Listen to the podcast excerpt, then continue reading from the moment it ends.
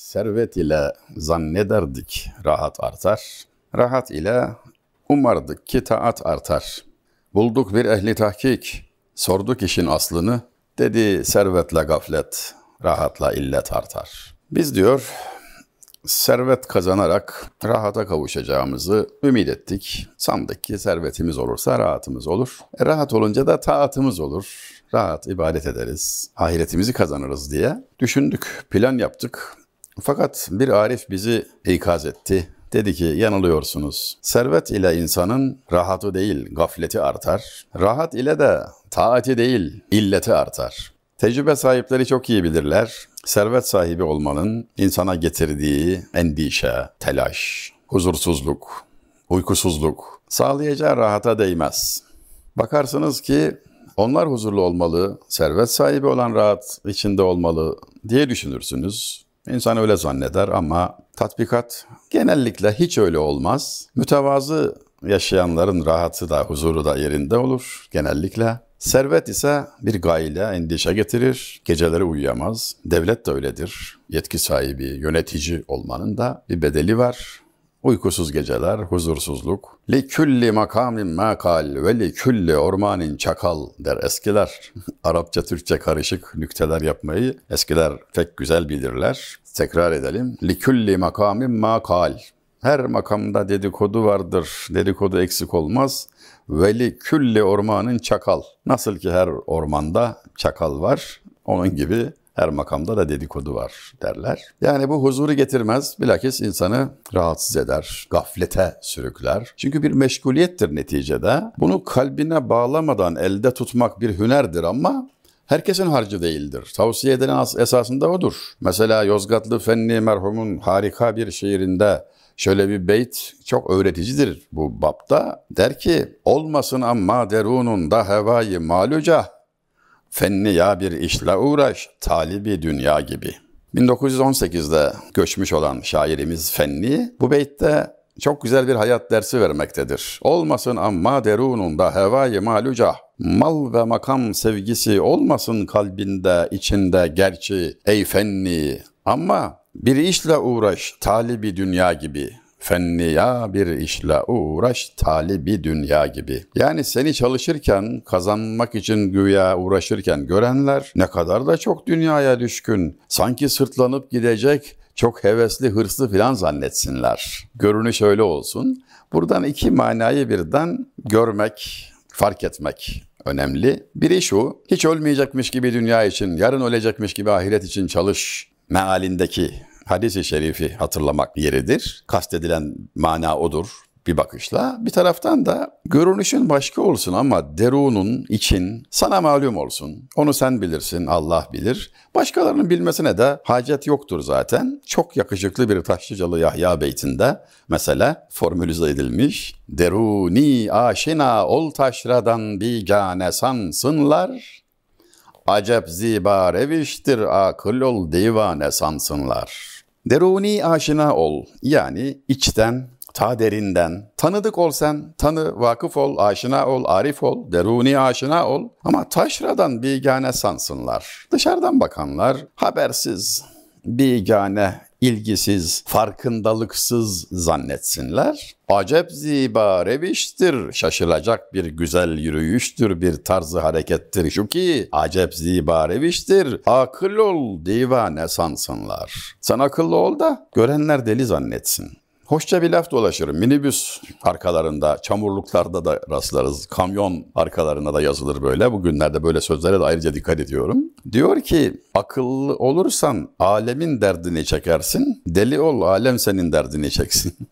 yani burada aşağı yukarı buna benzer bir şey söyleniyor. Deli zannetsinler. Seni bel ciddiye bile almasınlar.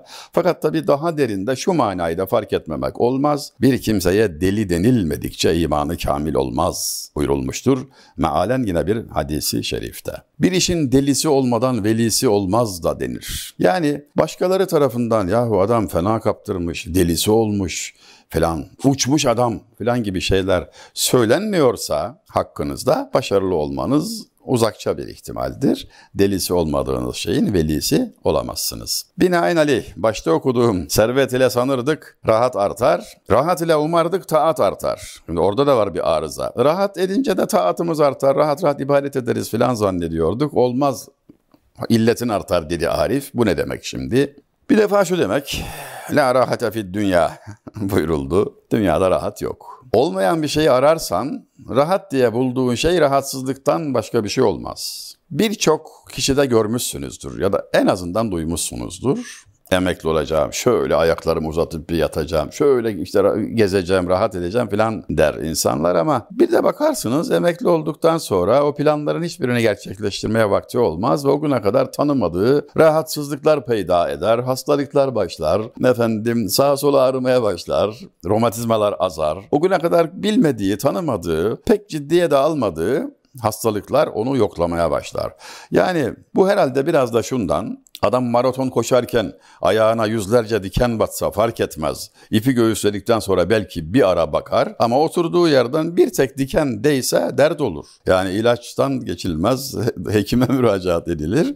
Yani böyle İnsan kendini dinlemeye başladığı zaman, meşguliyetsiz kaldığı zaman, atalete düştüğü zaman olmadık hastalıklar da baş gösteriyor demek istiyor belli ki. Servet ile sanırdık, rahat artar, rahat ile umardık ki taat artar. Bulduk bir ehli tahkik, sorduk işin aslını, dedi servetle gaflet, rahatla illet artar. Servetle gafletin artması tehlikesini çok iyi bildikleri için arifler, şairlerimiz, üstadlarımız bu konuda sayısız işaretler vermişler. Birini hemen arz edeyim. Bağdatlı Ruhi merhum, cihanın nimetinden hisse ümmidin götür ruhi o denli talibi var kim ne sana ne bana artar. Dünya nimetlerinden bir hisse koparmak, bir miktar elde etmek, sahiplenmek gibi bir arzu içinde gördüm seni ey ruhi. Bu vaziyeti hiç hoşuma gitmedi.